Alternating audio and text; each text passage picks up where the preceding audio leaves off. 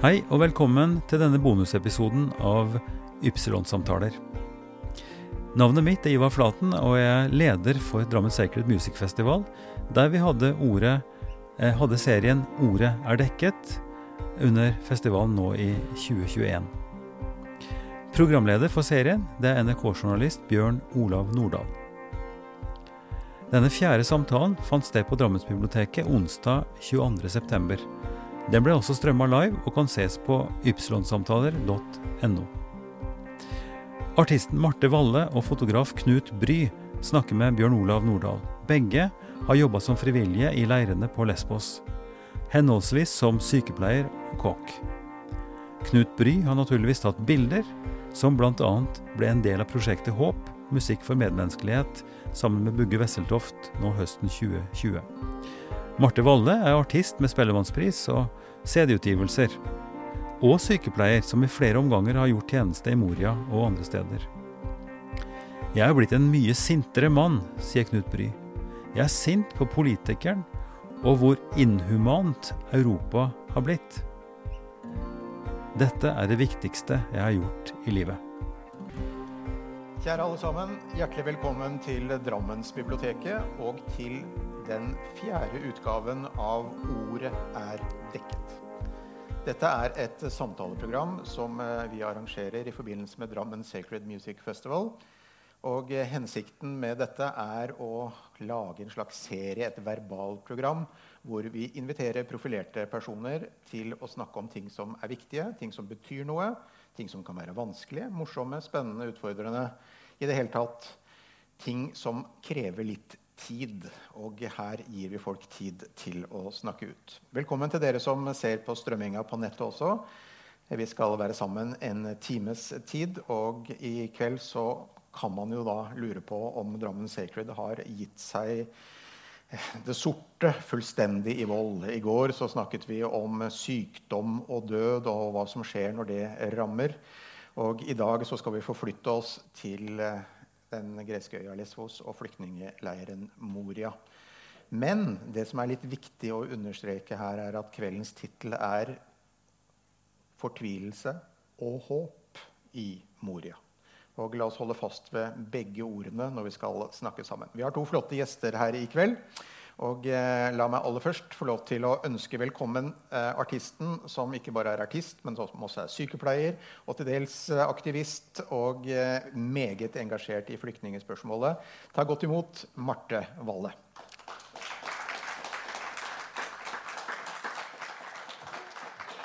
Hei, Marte. Velkommen til Drammen. Vi får gjøre sånn. Vi får gjøre sånn. Ja, Takk skal du ha. føles det å være i Elvebyen?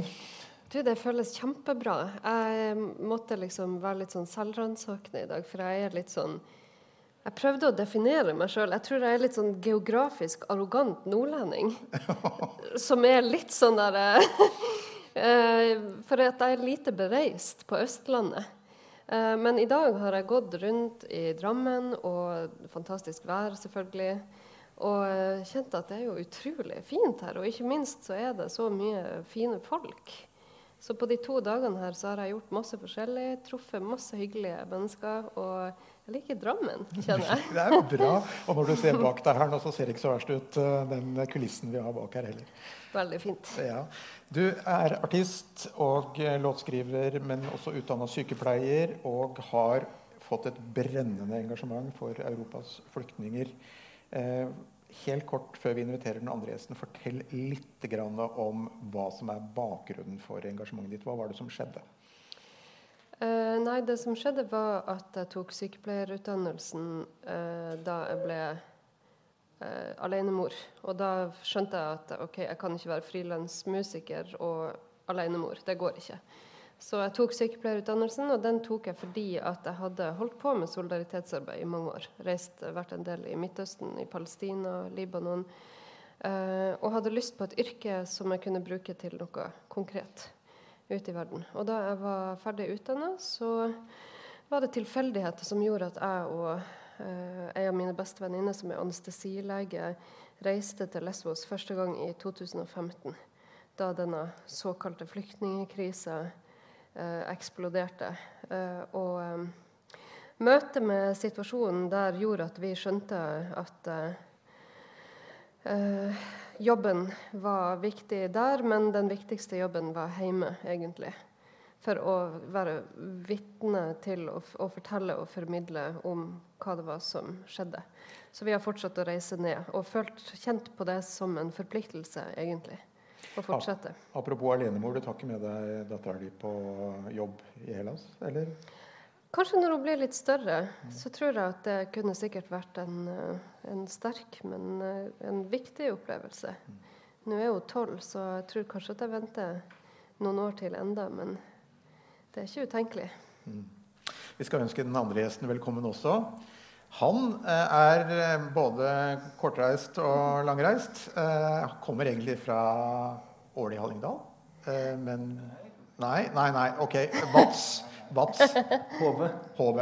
Ok. Er, Bats, er, Bats er ikke så gærent. Ja.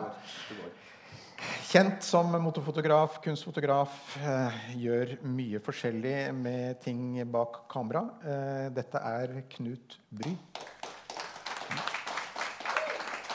Hallo. Ja, jeg skal ikke dra hele CV-en din, Knut, men vi kan vel nevne at du eh, er kåra til uh, photographer, American Photographer of the Year uh, en gang i tida. Og, ja, det, er, tatt, det, er, flere generasjoner det er flere generasjoner siden. Og har tatt det ikoniske bildet av Whitney Houston. Vi får nesten mm. si det som de fleste kanskje har Det, det solgte jeg i dag. Stor print. Du gjorde det, ja? ja. Skal du ha en annen? Hvor mye koster det? Nei, det, det, vet jeg ikke. Det var agenten som fortalte det. det var agenten som fortalte det. Du, Knut, eh, du har også en eh, liten forhistorie som jeg har lyst til å gripe fatt i her. Fordi eh, du dro til Hellas ja, Det var vel i 2015-2016, var det ikke det? da? 16. 16 ja, for jeg har vært der én gang for 25 år siden. Ja, Men i 2016 så dro du ned for egentlig å fotografere til en kokebok. Ja. Du må fortelle hva som skjedde. Nei, alt er jo tilfeldigheter. Det driver jo Marte med også. Eh, jeg dro for å jobbe for eh, Universitetet i Agder, for de har et fantastisk eh, kurskonferansested der som heter Metohi. Og der var det en konferanse med akademikere fra Europa. Deriblant en dame fra Open University i England. Hun forsket på mobilbruken til flyktninger og ville gjerne dra til Moria og Pikpa, de to leirene. Hun hadde ikke bil. Jeg hadde bil. Og så sa jeg men da kan jeg kjøre. Hadde jeg ikke sagt ja den dagen, så hadde jeg kanskje aldri endt opp i pikkbarleiren. Men du rakte opp hånda og sa her, her er jeg? Der jeg ble jobb, jobbende da, frem til det, det, alt stengte ned i 2020. Men altså, hva skjedde den dagen? Du må ikke bare hoppe sånn Men den dagen vi, vi, kom, vi kom, til Pikba. Det, det, er sikkert få som vet om det, men det er en liten leir som, som, lå på motsatt side av Mytilini, hovedstaden. Mm. Hvor, hvor, det var ca. 100 beboere av de som har hatt det aller verst, the most vulnerable, som det heter. Eh, drevet bare av lokale eh, greske og, og um, frivillige fra Europa mest. Eh, jeg kom dit, møtte masse fantastiske mennesker. Og så dro vi hjem igjen etter første runde med bokprosjektet. Og kom tilbake i august. Dette var i juni. Og så dro jeg og besøkte de bare for å si hei. Og så tenkte jeg kanskje jeg skulle gjort noe mer her. Og så spurte jeg, og de, de trenger jo alltid hjelp. Så da ble det til at jeg kom tilbake i oktober. Så var jeg der i to måneder og jobbet som frivillig. Så dro jeg hjem, så var jeg der i to måneder til. Og til slutt så var det sånn seks måneder, syv måneder. Så jeg har vel tilbrakt ca. to år i leiren. Jo... Og, og den, i den tiden så har jeg også jobbet da og fotografert veldig mye i og rundt Moria. Mm. Men du, det er jo etter at jeg lurer på, altså, Hva er det som skjer i hodet ditt eller hjertet ditt, kall det hva du vil, mm. uh, med, i dette møtet? For det, Er det en eller annen stemme som sier noe til deg at her, uh, her kan jeg, ikke, jeg kan ikke dra min vei? eller Jeg må tilbake? jeg har hørt masse stemmer, men ingen som sa det direkte. men Hva var det som skjedde da? Nei, jeg bare, jeg bare, tenkte, For det var jo så mange utrolige mennesker og kulturer, så jeg tenkte dette, her, dette må jeg bare. Det, det var liksom naturlig. Det er jo noen som vil si at det er en viss kontrast. da mellom eh, den verden du kommer fra, og Ja, bitte liten kontrast. Bitte grann. Hvordan vil du beskrive den kontrasten sjøl? Det, er litt som jeg har vært på en eh, 40, 40 års lang film, og så har jeg kommet over i en helt annen film. Og den, Det- det er- det er hva er sånn- forskjellen på de filmene, da? Altså, Den, den ene er overflatisk, og den eh, andre er vel eh, ekte. Det er nummer to. det er nummer to.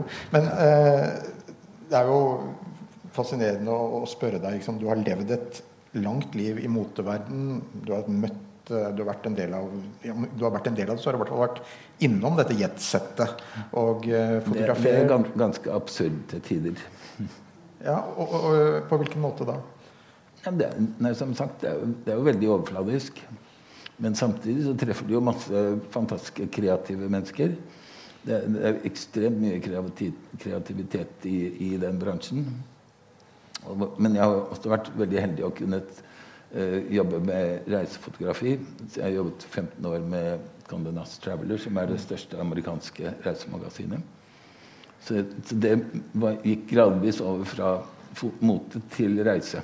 Mm. Men jeg må jo spørre deg, liksom, etter å ha tilbrakt til sammen da, to år i Pikpa Moria, mm eh, hvordan føles det å skulle vende tilbake til dette, da?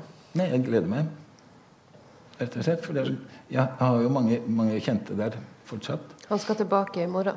Ja, nå, du du mener tilbake, til, Nå- nå tilbake jeg- til? For jeg drar dit i morgen. ja, er- det var ikke det jeg spurte om. Jeg spurte om hvordan det ville være å vende tilbake til jetsettet. Nei, nei, det kommer ikke på tale. Du skal ikke tilbake? Ja, nei, den er jeg ferdig med. Det, det var før. Det var mitt forrige liv. Marte, hva tenker du om det spranget Knut har gjort? da? Nei, jeg forstår det veldig godt, jeg. Uh, og um, jeg tenker liksom tilbake på før jeg var og snakka for um, andreklassen på videregående, på Drammen videregående i dag, og så tenkte jeg liksom på min egen sånn uh, Hvorfor har det på en måte tatt mer og mer og mer plass? Og ehm, jeg husker første gangen jeg reiste til eh, Palestina i 2007, så hadde jeg jeg skulle reise ned, og jeg trodde at jeg var ekstremt godt forberedt. Fordi at jeg hadde lest masse og sett dokumentarer og satt meg inn i historien og politikken og alt sånt. Men det sjokket med å oppleve en sånn virkelighet, det endrer noe i deg som menneske. Og det resonnerte veldig med det jeg hadde hørt flere fortelle meg, bl.a. Mats Gilbert, som hadde sagt at du må ut og se virkeligheten sjøl. Du kan ikke eh, Du kan på en måte ikke Hvis du vil kjenne på den drivkrafta som det her engasjementet er, så må du møte den virkeligheten og møte den uretten. Ta, ta den inn. Um, og når man først har opplevd det og, og på en måte satt seg sjøl i en sånn situasjon der man tar inn over seg andre mennesker sin virkeligheter i urett, så tror jeg det er vanskelig å gå tilbake til den du var før det. For det, det, det flytter om på noe inni deg. Nå har det jo kommet ganske mange mennesker her på Drammensbiblioteket i kveld. og eh, Det kan jo hende at noen av oss blir litt sånn eh, Er det det vi må? Nei, nei, nei.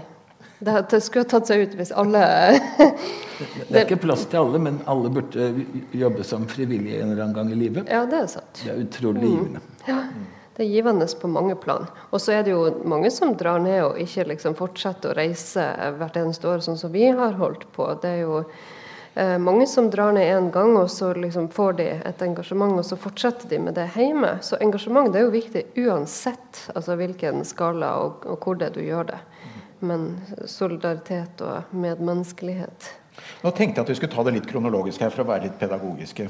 Du var inne på det i stad, 2015, den såkalte flyktningekrisa. Eh, og oppbyggingen av disse leirene i, eh, i Hellas på de greske øyene. Eh, dere har jo da vært på Lesvos i hovedsak, men det er jo leirer på mange øyer. Det er flyktninger på mange øyer. Men la oss konsentrere oss om det som på en måte skjedde på Lesvos, da, som dere kjenner. Hva, hva er på en måte sånn, den historiske Hva er, det, hva er det dreiepunktet er her? Hva er det som skjer? Og hvor, hvorfor blir situasjonen slik den blir i Hellas? Det er et stort spørsmål, men prøv å være litt sånn praktisk for oss som ikke kan det så godt. Ja, I all hovedsak så handler det jo om den arabiske våren og krigen i Syria, som drev mange mange millioner mennesker på flukt. Altså, det at det kommer flyktninger fra Midtøsten til Hellas, det er ikke noe nytt. De har levd med den situasjonen i mange, mange, mange år. Men det eksploderte etter den arabiske våren, etter krigen i Syria, og det, der situasjonen forverra seg eh, år for år. Eh, og så nådde den jo da et sånn toppunkt vinteren 2015, når det da kom tusenvis av mennesker hver eneste dag eh, i løpet av den høsten. Um, så det var jo i all hovedsak det. Selv om det var flere nasjonaliteter og flere land, så var det jo i all hovedsak syrere og afghanere som det kom mest av. da. Mm. Beskriv eh, Moria og hvordan utviklingen var der. Ja, Moria var egentlig en sånn uh, uh, transittleir. Moria er egentlig et gammelt sånn uh, statlig bygg som har vært brukt til internering og, og, og sånne av lokale myndigheter tidligere. Uh, og så ble det gjort om til en sånn transittleir der folk ble For kom, båtene kom jo liksom inn over hele øya. Og så ble folk frakta i busser da, dit der de skulle registreres, og så skulle de sendes videre. Men da, og da besto jo bare Moria av dette bygget eh, som var der fra før. Og så var det noen sånne isobokser som ble satt opp rundt, altså sånne containere i plast. Piggtråd, selvfølgelig. Ja, ja. Bak piggtråd.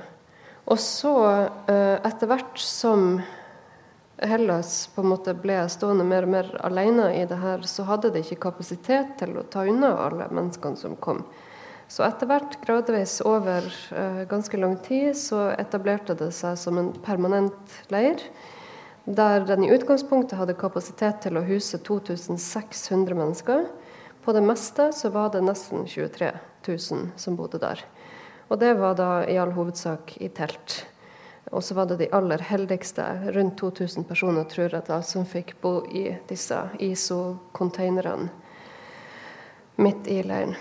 Men du sier Knut, at når du kom dit, så møtte du masse fantastiske mennesker. Og det tror vi deg på. Ja. Men det kan jo ikke bare ha vært fantastisk, det du opplevde der. Og, fortell oss, hva var, det, hva var det du så når du kom dit? Eh, når, først så traff jeg folk i Pikpa. Den er jo veldig liten. Mm.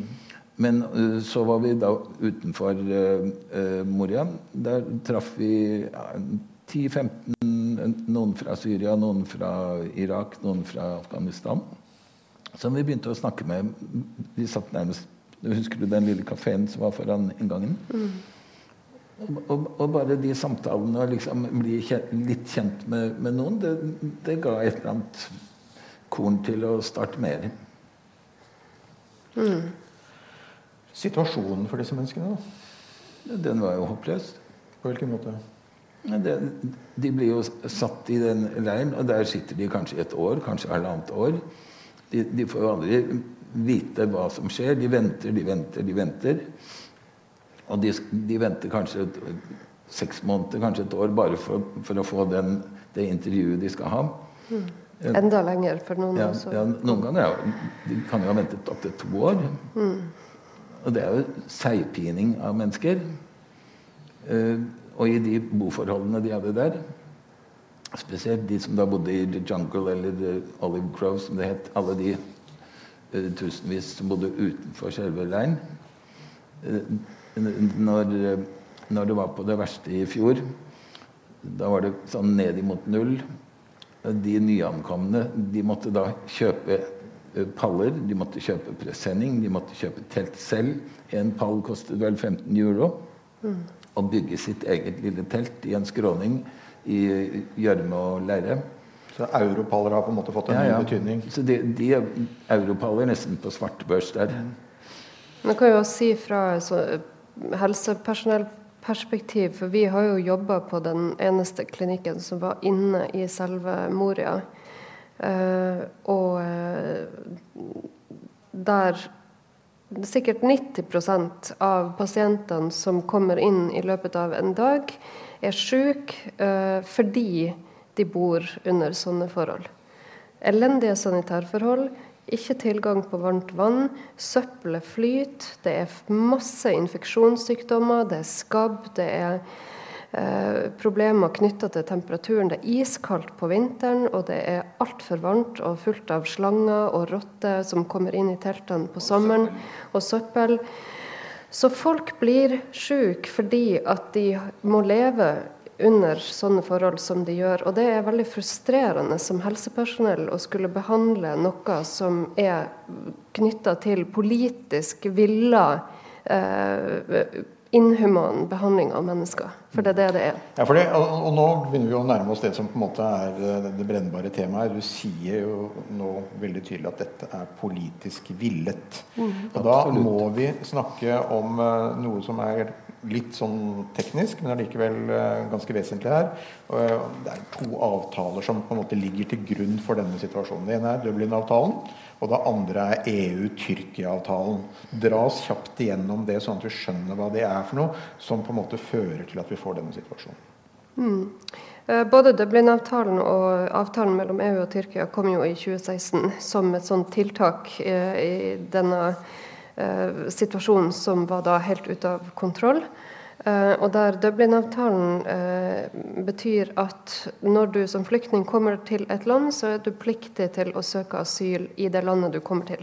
Såkalt førstelands... Uh, ja, så det vil si at kommer du da til Hellas, som er mest nærliggende for de som kommer gjennom Tyrkia, så er du stuck der.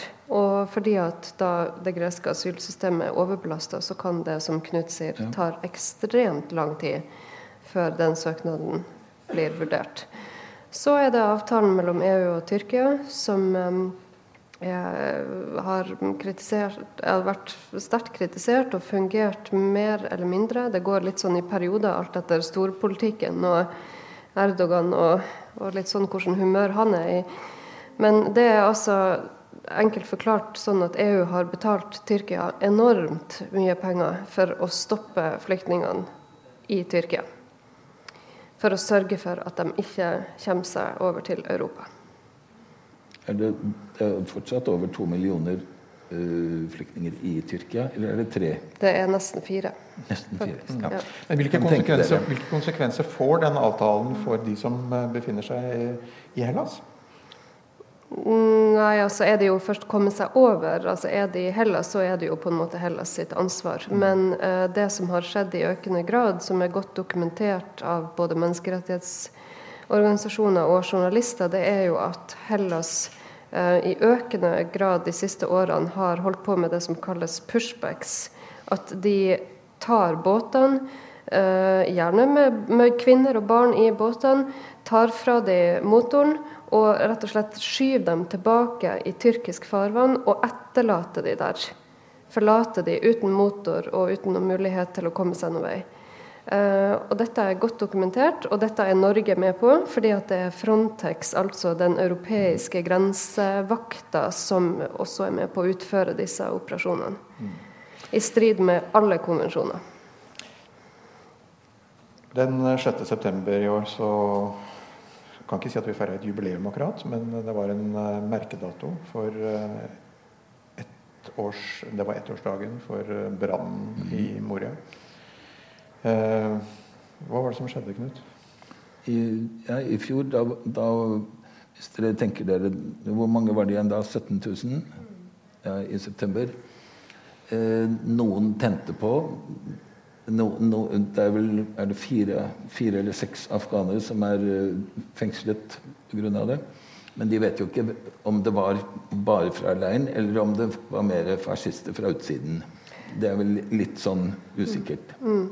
For det, var jo, flere steder. det var økende vold fra høyreekstreme også på Lesvos ja. i den perioden her.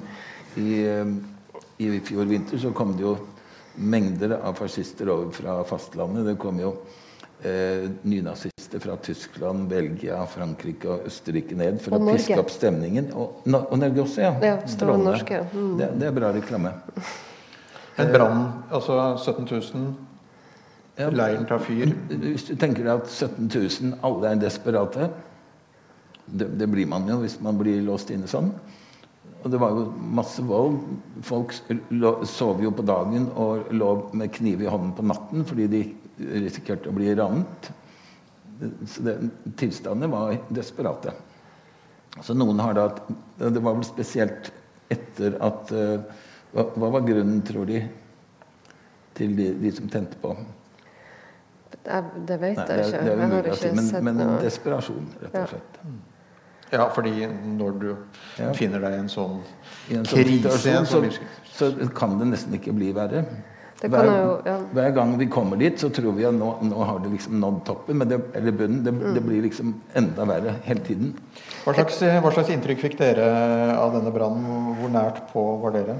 Jeg, jeg var ikke der da. Jeg var heller ikke der, men jeg snakka med en afghansk venn eh, gjennom hele natta.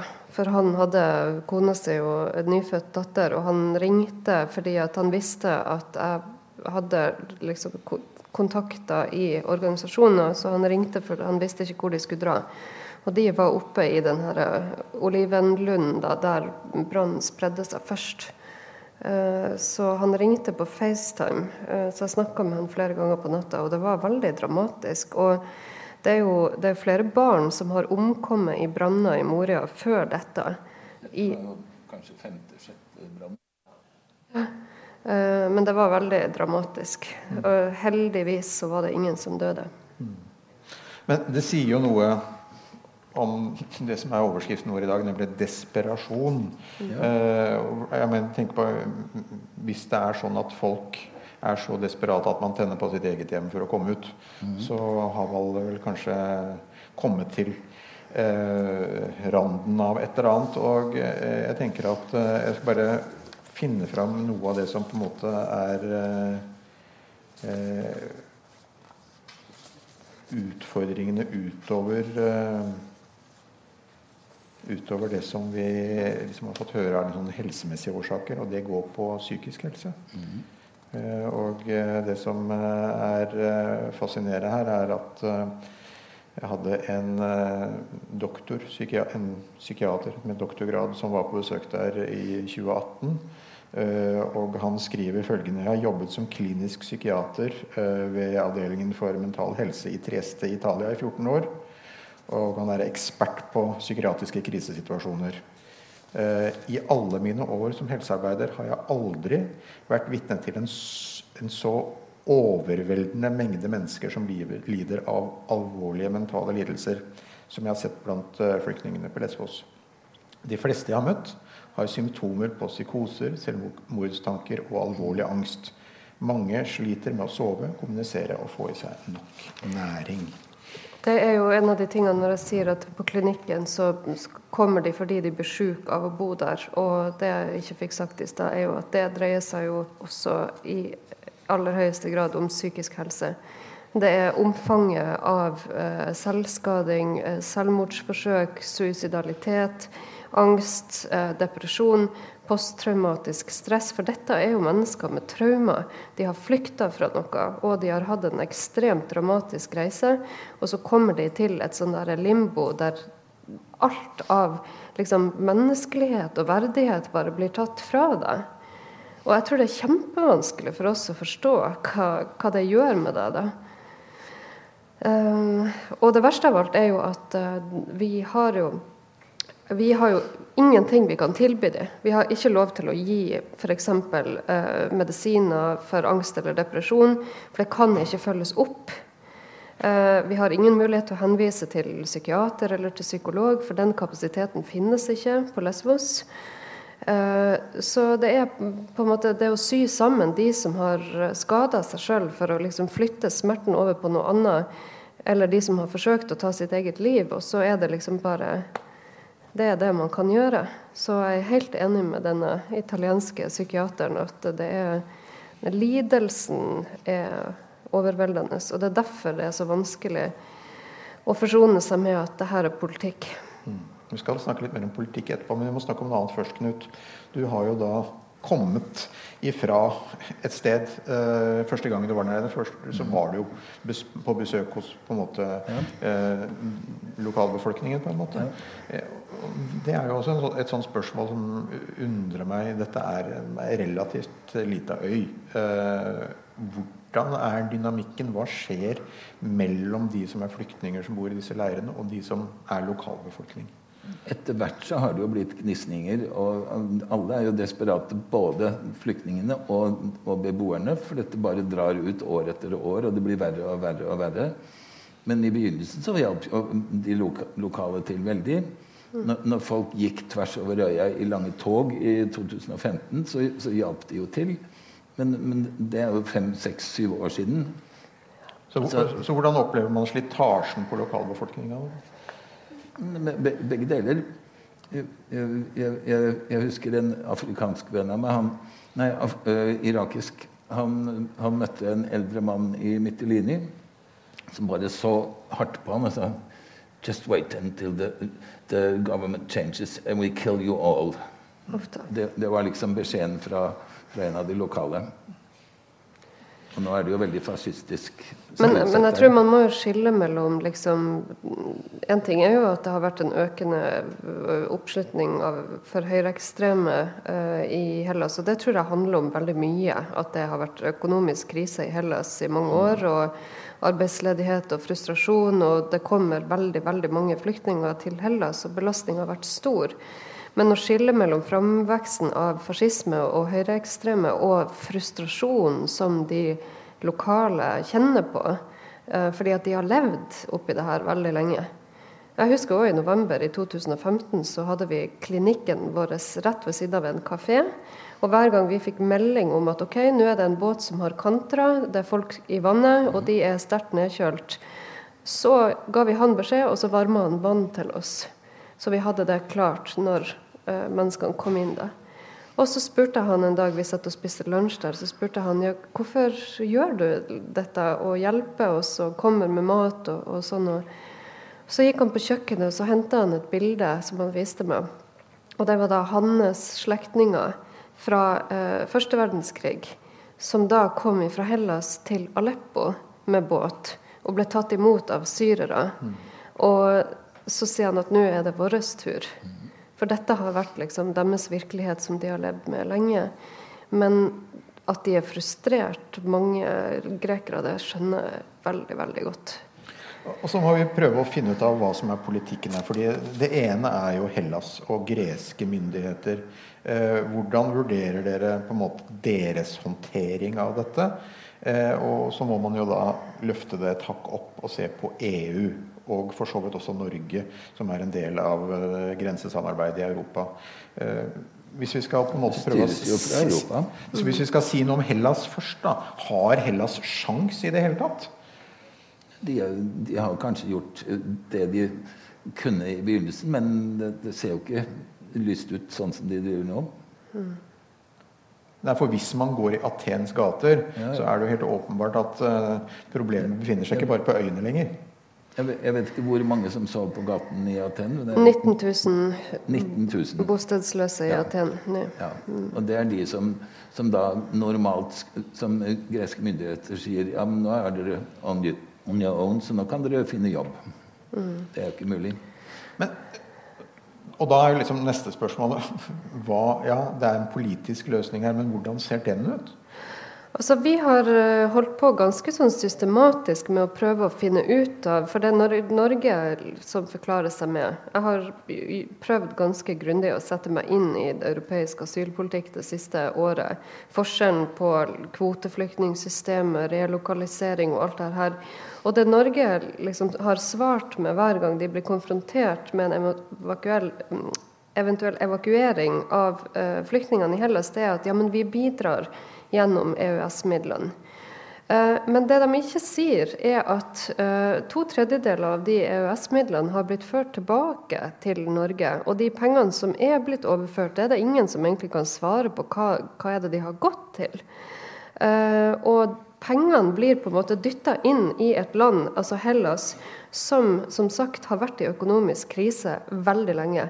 Jeg har jobba i flyktningleirene, han Knut har jobba i flyktningleirene. Ser du noe til disse pengene Nei. som de hevder blir eh, Det er nok ganske mange dype lommer i regjeringssystemet der. Altså, Norge betaler jo EØS-midler for å på en måte det, det, er på en måte billetten som Norge betaler for å være en del av Europas indre marked, av markedstilgang. Og i de neste fem-seks årene så skal vi betale nærmere 30 milliarder kroner inn i den, i den kassa.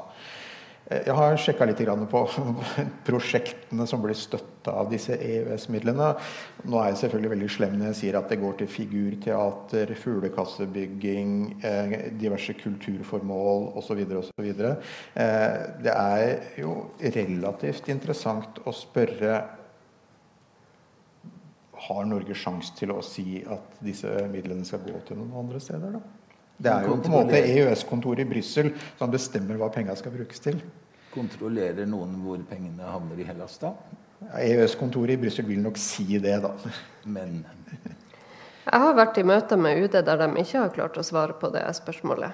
Så det kan godt være at det går til fuglekassa og figurteater, hva vet jeg. Men UD vet, jeg klarte i hvert fall ikke å svare på det.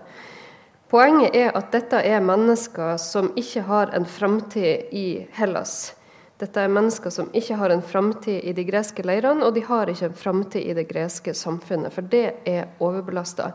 Så de trenger ikke midler og bistand og nye leirer. De trenger å bli evakuert og bli flytta til et land som har kapasitet til å la dem få lov til å starte på et liv, sånn at ungene kan få gå på skole, sånn at de kan få jobbe og bidra, og ikke sitte i en sånn ekstremt belastende situasjon der de ikke vet hva som skjer. Og der er Norge. Det er helt, helt utrolig at det måtte en brann til som brenner ned hele leiren før vi sier at OK, greit, vi kan ta 50.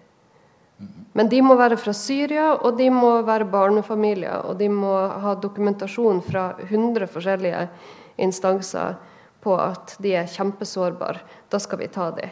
50 stykker. Hvor mange skal vi ta da, syns du?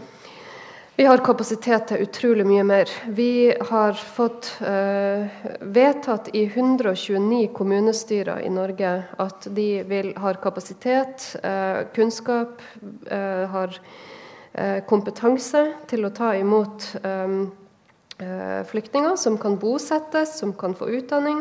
Og der har vi regna oss fram til at vi, de kommunene som har vedtatt at de vil ta imot, så er det i hvert fall 12 500 som kan fordeles. Knut Vollebæk sa det når jeg traff han for et halvt år siden, at for han var jo en av de som initierte denne luftbrua fra Balkan, der 6000 mennesker ble henta sånn til Norge. Og han sier at dette er kun et spørsmål om politisk vilje. Og eh, vil man, så er det veldig lett å få det til. Vil man ikke, så er det òg like enkelt å ikke gjøre noe. Vi kan jo bare skru klokka tilbake. Vi husker jo alle tida med folk som kom syklende over Storskog. Vi hadde bygd opp mottaksapparatet i Norge. Eh, vi tok imot hvor mange vi tok imot? 6000 eh, på det tidspunktet. Eh, og hadde vel et vedtak på 12. Men det som eh, jo er interessant, er jo at kapasiteten er bygd ned. Hva tenker dere om det? Altså Her har vi jo faktisk hatt eh, kapasitet i kommunene som nå er borte. Og selskaper som har drevet med dette, eh, private og offentlige, er, er, er lagt ned. Det eneste de er dyktige på, er jo å legge ned mottak. Det er vel snart ingen igjen. Mm. Men du kommer jo, du kommer jo fra bygda sjøl, Knut. Ja. Eh, og har vel sett dette på nært hold eh, ja. i, i, Hallingdal. Eh, hva sier dine sambygdinger der oppe om å få en, en haug med folk fra Moria? Nei, det har jo gått veldig bra. Det var jo mottak i Hol. Det gikk kjempebra til de landet det. Jeg gjorde et prosjekt med 28 av de, de afghanerne som kom da i 2015. En av de var jeg besøkt i dag. Han bor her i Drammen og har to jobber. Eh, alle mottakene i Hallingdal er lagt ned. Hemsedal, eh, Hol Alt sammen fjernet. Og det, det, er absolutt positivt eh, for, for, dalen å få flere, men det skjer jo ikke. Vi, vi må snu blikket litt mot uh, vår tid uh, og Afghanistan. Nå har uh, Taliban overtatt showet i eh, Afghanistan. Og eh, trykket mot eh, leirene i Hellas vil og er, er vel allerede i ferd med å øke pga. det. Flyktningstrømmene har vi jo sett beskrevet på nyhetssendingene. Men det som jo kanskje er litt interessant, det er å få høre med dere hva dere tenker om afghanere som er blitt nektet oppholdstillatelse, som er blitt returnert til Afghanistan fra Norge, har inntrykk av at de kanskje dukker opp igjen eh, i, i, Hellas på nytt? Ja, Vi kjenner vel flere, begge to. Mm. Hva er det som skjer? Det er ikke uvanlig hvis du er i Moria, eller var i Moria, å møte afghanere som snakker ulike norske dialekter. Barn, afghanske barn som snakker ulike norske dialekter. Eh, Jeg har sittet med en sak nå de siste ukene med en familie som der han mannen, eh, faren, jobba for Han var politimann og var med å arrestere folk fra Taliban. Eh, eh, og pga. det så ble jo Så han fikk drapstrusler. Mor ble voldtatt av medlemmer av Taliban, og de flykta. Kom til Norge, var i Risør i ja, to og et halvt år. Uh, ungene begynte i uh, barnehage, norsk skole, lærte seg norsk. uh, hvor da, de da fikk avslag på sin asylsøknad. Um, jeg har gått gjennom som, alle dokumentene, intervjuene og alt sånn, og den vurderinga der det altså er én person som sitter og vurderer om disse menneskene skal få opphold eller ikke. Og der hele regelverket er såpass liksom, tøyelig at egentlig så kan du argumentere for akkurat hva du vil. For det styres av den rådende politikken.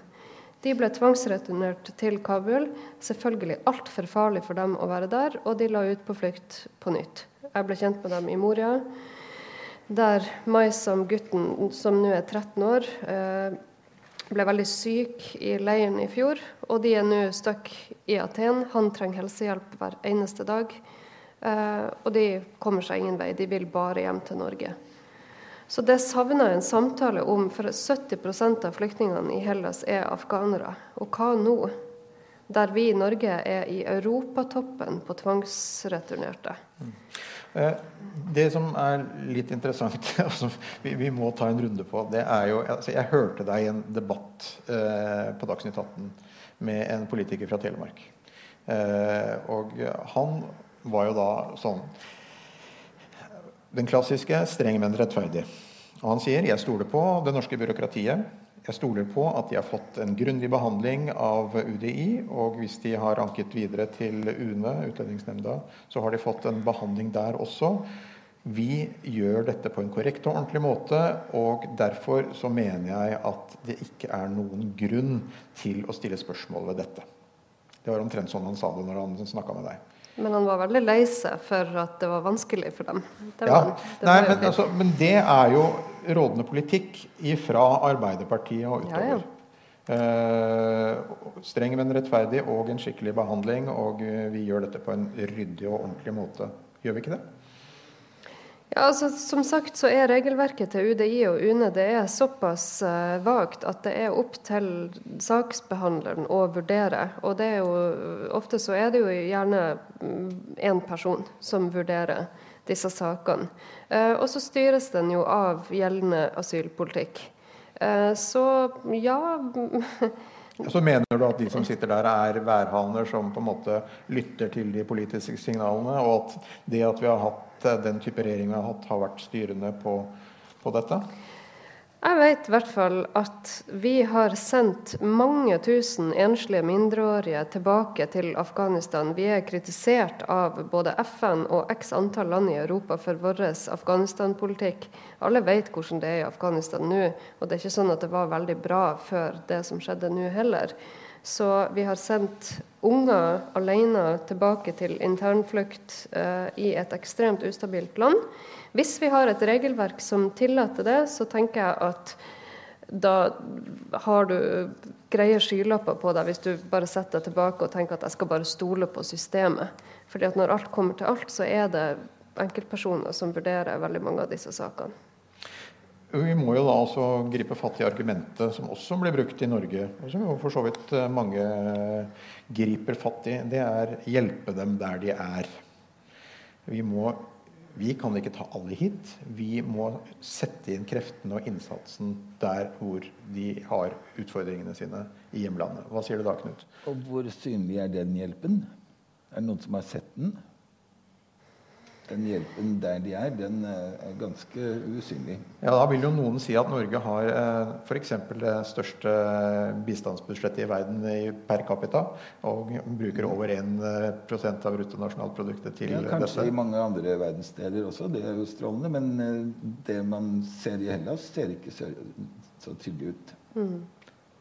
Jeg har vært i både Tyrkia og i Libanon, altså i nærområdene til både Afghanistan og Syria, og besøkt de områdene der det er flest leirer. Og eh, det er, altså, som vi snakka om i stad, kapasiteten den var sprengt for veldig lenge siden.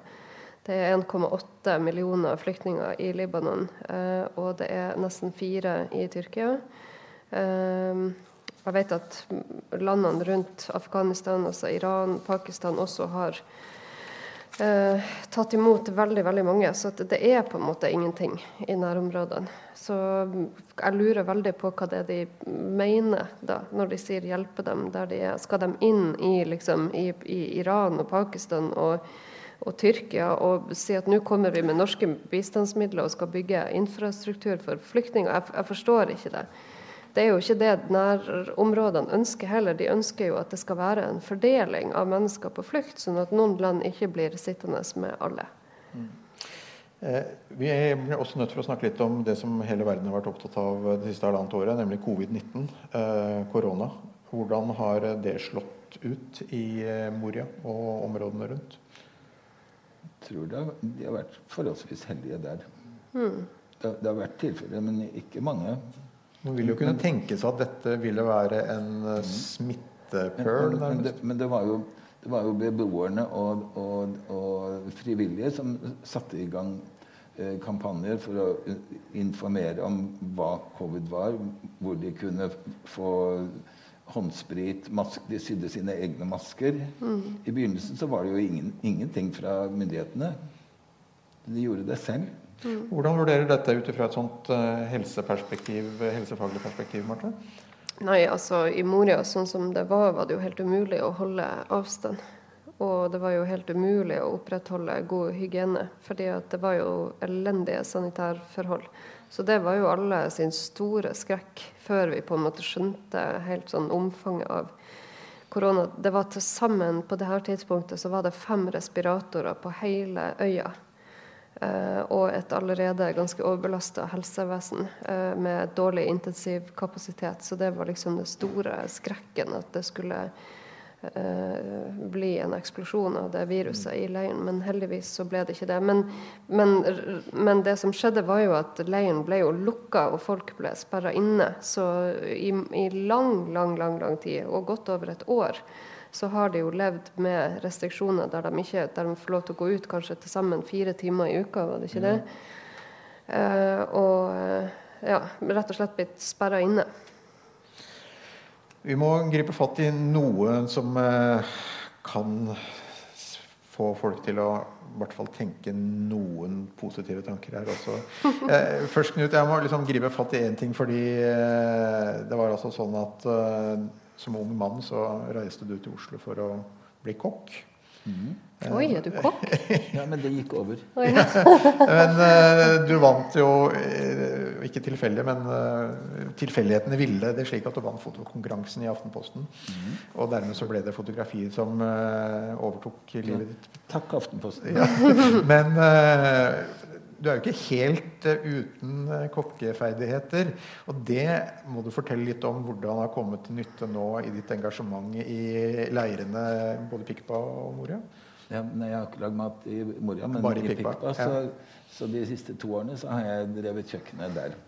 Og lagd mat til uh, de beboerne som ikke lagde mat selv. De kunne nemlig det i sine trehytter der de bodde, hvor de hadde liten kjøleskap og liten komfyr. Og, og jeg lager mat til de frivillige. Eh, så det, det kommer jo til, til, nytte til slutt. Hvordan, hvordan, hvordan fungerer Alle har overlevd. Ja. Nei, men Hvordan fungerer kjøkkenet der nede? Fortell litt om uh, hvordan du går fram når du skal lage middag til så mange. Eh, jeg vet aldri hva jeg lager før jeg kommer på jobb den dagen. Det kommer helt an på hva vi har av donasjoner, hva vi har fått av råvarer. Jeg lager jo bare vegetarmat, og det var godtatt. Eh, eh, så det kunne være at vi hadde En dag hadde vi kanskje ris, neste, gang hadde vi, neste dag hadde vi masse grønnsaker. Eh, jeg lagde foccaccia, jeg lagde pesto ja, diverse. diverse. Men jeg fant de opp sånn etter hvert. Ved tilfeldigheter. der. Hvordan uh, har dette påvirka deg som menneske? Altså, du kommer fra moteverdenen. Kom fra Hva vil du si har skjedd med deg personlig i løpet av disse årene? Jeg vet ikke, Det har åpnet horisonter. Og jeg, jeg har vært veldig privilegert som har, har, fått være med på de fem årene, syns jeg. Eh, takket være alle menneskene jeg har møtt, både frivillige og, og beboere i leiren og Moria. Men du har jo ikke sluttet å fotografere? Nei, jeg har tatt bilder hver dag. Jeg har tatt mange tusen bilder. Først ble det en bok uh, om Pikbar-leiren. Den, den uh, kom for er det to og et halvt år siden. Og i fjor så lagde vi Der var jo Marte også med. Uh, etter Bugge Wesseltofts idé så lagde vi en bok som het 'Håp'. Apropos tittelen her. Som, hvor 32 av Norges toppartister stilte med én sang hver. Dobbeltalbum. Og mine bilder, halvparten av boken, var fra Moria. Så snudde den opp ned, så var det halvparten fra Pikpa. Og det er jo liksom motpolene. Den ene er jo, er jo rene helvete, mens den andre er, den basert på solidaritet. Så vi fikk en, en, nesten en million som ble delt på Lesbos Solidarity, som er de jeg jobbet med da. Og Katrinos uh, Healthcare og, og Dråpen i havet. Du er jo også artist i tillegg til det. Det er jo først og fremst som artist vi, vi kjenner deg. Du fikk jo Spellemannsprisen allerede i 2005, eh, Marte. Eh, men som artist da, Du har gitt ut sju plater? Snart sju. Snart sju. Snart sju. Eh, hva gjør dette med deg som artist, da, hvis jeg kan spørre om det? Nei, jeg tror nok dessverre det har ødelagt ganske mye. På hvilken måte? Nei, altså Det gikk jo veldig bra i starten, og jeg fikk den der prisen og ble mye spilt på, på radio og sånn. Og så etter 2007, da jeg reiste til Palestina første gang og liksom fikk den der Hæ? Er det sånn virkeligheten er? Så, så bare kjente jeg at OK, jeg må bruke de verktøyene jeg har for å snakke om dette. Og da husker jeg liksom at han, sjefen i plateselskapet sa at nei, du må ikke være så politisk, det er så usexy. Og det er liksom definisjonen på musikkbransjen og den kommersielle musikkbransjen at det er liksom ikke så mye rom for eh, hvert fall eksplisitt politisk engasjement. Det skal gjerne være veldig veldig pakka inn for at det skal bli tålbart. da. Så for min kommersielle artistkarriere så har det nok dessverre ikke vært spesielt bra. Men det, det, er helt greit. Det kan jeg leve med. den første, første plata di, eller den som du vant Spellemannsprisen med, det var debut, årets debutpris du fikk. 'It's a Bag of Candy'. Det var kanskje ikke en tittel som hadde slått til eh, i Marte Walle sitt liv i dag? Det kan godt være, men da var jeg jo 24 år. 23 år, faktisk. Så man, man, ser jo seg sjøl som yngre med et litt sånn forsonende blikk. Gjør man ikke det? Altså at når man har eh, Der man var da. Det er jo snart 20 år siden. Så, mm. så. Men vi, vi, trenger, vi, trenger, også noen solskinnshistorier her, sånn at vi kan gå herfra og se at det faktisk fins muligheter. Knut, først da. Du har nettopp vært i bryllup. Jeg kan vise dere et bilde. Det blir lite, da. Jeg er så heldig at jeg ble invitert i min venn Selifs bryllup i Paris nå på lørdag. Han bodde halvannet år i Pikpa-leiren eh, fra, fra, Mali. Eh, skal vi se her Det er et stykke fra Mali til Pikpa? Ja, det, det syns han òg. Dette jeg, jeg, går en runde med den. Ja, gjør det. Ja, fint.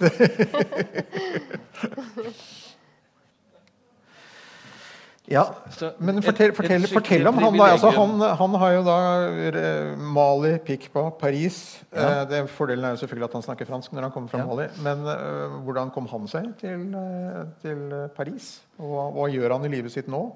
Nå jobber han i et supermarked. Han har jobbet på Disney World. Han har jobbet i, som utkaster på, i en bar. Eh, og så traff han da sin nå, kone hun er, hun er, også fra Mali, men født i Frankrike. Hun har en veldig bra jobb, så hun organiserte gratis leiebil til meg i fire dager. Og, og fanta, fantastisk familie. Eh, så han, han, var da som sagt i Pikpa, så var han i Aten en god stund. Og så klarte han å skaffe seg et falskt pass, så da hjalp jeg ham med flybillett så han kom seg til Tyskland. Der var han i nesten et år. Det skjedde ikke noe, noe positivt der. Så til Frankrike, og nå har jeg vært i Paris i to år. Men et falskt pass må til, altså? Ja, men Det er jo eneste måten å komme over grenser. Du, du, må, du må gjøre det på ulovlig vis. Men Frankrike, kjenner mange som har måttet gjøre det. Men Frankrike, da? Hvorfor sier ikke Frankrike Hør her, Dublin-avtalen, eh, første land, eh, det er Hellas som har ansvaret for det? Men i Frankrike de, de deporterer ikke så, sånn som vi gjør her. Om, om, de gjør det, så er det i hvert fall i mye, mye mindre målestokk. Mm. Du har én historie til jeg vil gjerne at du skal fortelle om eh, fotballspilleren. Ja. Det må du, det må du gjøre. Han, det er jo en helt kanskje, kanskje du har, Nei, du har ikke truffet han. Mohammed han er, han er fra Afghanistan. Han, han, kom til eh, Teheran Jeg vet ikke hvor gammel han var da, men da, da spilte han på et veldig bra juniorlag der. Og kjempeflink fotballspiller. Så flyktet han, kom seg til Moria-leiren. Han snakket ikke, nesten ikke et ord uh, engelsk når jeg traff han der i ja, november i fjor. Nei, forfjor. Eh, og så sa han det eneste han, han kunne, det var I, I got the gold. Han, han, skulle bare komme seg gjennom. Og så han, bodde han da i Moria. De, telt, de, var fire stykker som delte et telt som var ja, akkurat som den firkanten der. Sånn. Og Der inviterte de meg på middag. fantastiske, ene var frisør, så han, han tok jeg med til Pikpa, så han klippet håret på alle mennene i vår leir. Fantastisk gjeng. Og så dro Etter at jeg reiste hjem, da, så hadde jeg kontakt med han jevnlig. Så da kom han seg til uh, grensen til, uh, til, mellom Kroatia og Serbia. Der ble han da fratatt klær, telefon, alt han hadde. Han ble banket opp gang på gang. Han prøvde jo gang på gang å komme seg over. Så ble han beskutt. Det visste jeg først nå, for en måned siden. Så han hadde flere kulehull gjennom bena. Så kom han seg over til Da gikk han gjennom fire land til fots. Det var vel fra februar i fjor. Eh, helt til han kom til Italia. Spiste han fra søppelkassene der han gikk. Så traff han en italiensk journalist som, som hjalp ham, så han kom seg til, helt til Calais i, på, ja, over ved kanalen. Og så har han da klart å komme seg over til London. Nå sitter han på et hotell, for det var ikke plass på det mottaket han kom til. Så den organisasjonen har da skaffet han et lite hotellrom. Men han kan ikke bevege seg noe sted, så han sitter inne hele dagen og ser på engelsk TV. Og nå har han lært seg rimelig bra engelsk bare med å se på TV. Han, kan, han har aldri gått på skole. Det er én. Så planen er å Han skal bli, bli proff ja. fotballspiller. Han gir seg ikke sånn. Men det er jo liksom det som Knut forteller, og alle menneskene som han har blitt kjent med. For han har vært så heldig at han har fått vært der veldig lenge. Altså Hadde jeg vært, ikke hatt jobb og barn, og sånn, så hadde jeg gjort mm. akkurat sånn som han Knut. og bare vært i lange mm. perioder. Fordi at de vennskapene, altså en del av de menneskene som jeg traff liksom i 2015, og på alle turene sånn, jeg har fortsatt kontakt med dem. Og det har vært eh, både veldig vondt og veldig fint å få følge reisene deres og sett hvor de har havna henne. Um, men den følelsen av å sitte i et sånn helvete som de her leirene er, og møte liksom mennesker fra helt andre deler av verden og med helt annet utgangspunkt eh, enn det du har, og så snakke om liksom felles interesser og humor og le av ting og liksom snakke om fortrolige, dype menneskelige ting der vi kan kjenne i, vi kan, vi kan, kjenne igjen ting og følelser og reaksjoner i hverandre, så blir liksom det er kanskje den beste vaksina mot eh, fremmedfiendtlig eh, politikk og det at man er liksom usikker på hva, skal, hva mener jeg egentlig liksom, i flyktningpolitikken. Det å møte mennesker og snakke med dem Eh, høre historien deres. Og så er, jeg tror Har jeg lært noen ting, så er det det at vi mennesker er mye mer like enn ulike. Uansett hvor det er vi kommer fra. Virkelig en berikelse å møte alle. Dette, det bildet jeg fikk i går, det er en familie fra Syria. Nå har alle kommet seg til Tyskland. Fem, fem brødre og faren. Så, så, jeg fikk melding i går sa du må komme og besøke oss. Så sa jeg ja, men jeg skal til Lesvos. Ja, men så kom når du er på vei tilbake, da. Kjenner jeg deg rett, så gjør du det. Garantert. mm. Jeg, altså, jeg syns det er hyggelig, selv om utfordringene veier relativt mye tyngre enn de uh, solskinnshistoriene som dere forteller, så syns jeg det er hyggelig å avslutte med litt smil om munnen og et håp. Så får vi se da om det budskapet som dere melder inn i offentligheten, kommer de riktige personene for øre. Det håper jeg. Eh, og eh, sier tusen takk for at dere kom til denne samtalen. i... Jeg har telefonnummeret, telefonnummeret til Jonas. Du har telefonnummeret til Jonas, ja, men det er fint. Bare vent. Eh, Bare vent. Du burde jo ta deg en tur til Hurdal. Ja. det jeg i hvert fall vet, er at det finnes enormt mange solidariske, gode mennesker i det landet her. Mm. Og selv om mye i samfunnet blir mer og mer polarisert, og den politikken som føres har blitt strengere og strengere, så vet jeg at det finnes ekstremt mange solidariske og engasjerte mennesker som ønsker at samfunnet skal styres av noen verdier som må forsvares. For det er noe her med altså Andre verdenskrig ikke sant? Det var ikke sånn at det bare poff skjedde sånn.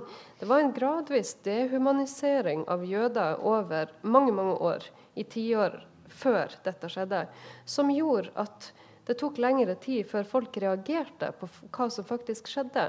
Og hvis politikken og det offentlige ordskiftet og samfunnet tillater en dehumanisering av mennesker på flukt, så vil det ta lengre tid før vi forstår hva det er slags urett som faktisk gjøres.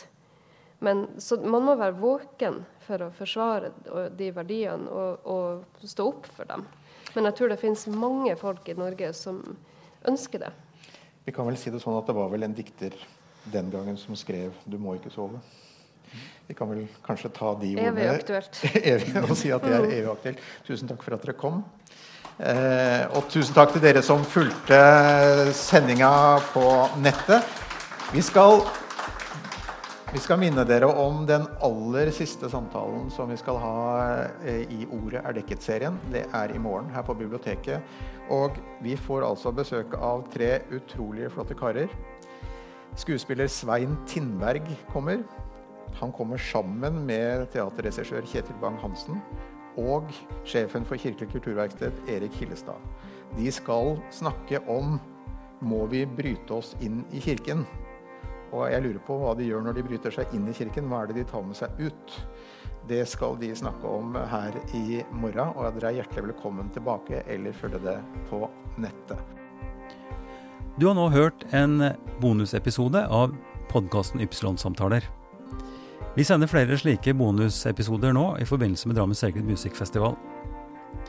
Ordinære episoder de kommer på torsdager. Utgiver av Ypsilon-samtaler er Kirkelig dialogsenter Drammen. Eh, og vi er støtta av Drammen kommune, av Einar Juels legat og av Barne- og familiedepartementet. Du finner alle episodene og bonusepisodene på www.ypsilonsamtaler.no. Og vi er veldig glad om du har mulighet til å gi oss et tips på folk som du syns er interessante å kunne snakke med. Takk for at du lyttet til podkasten vår.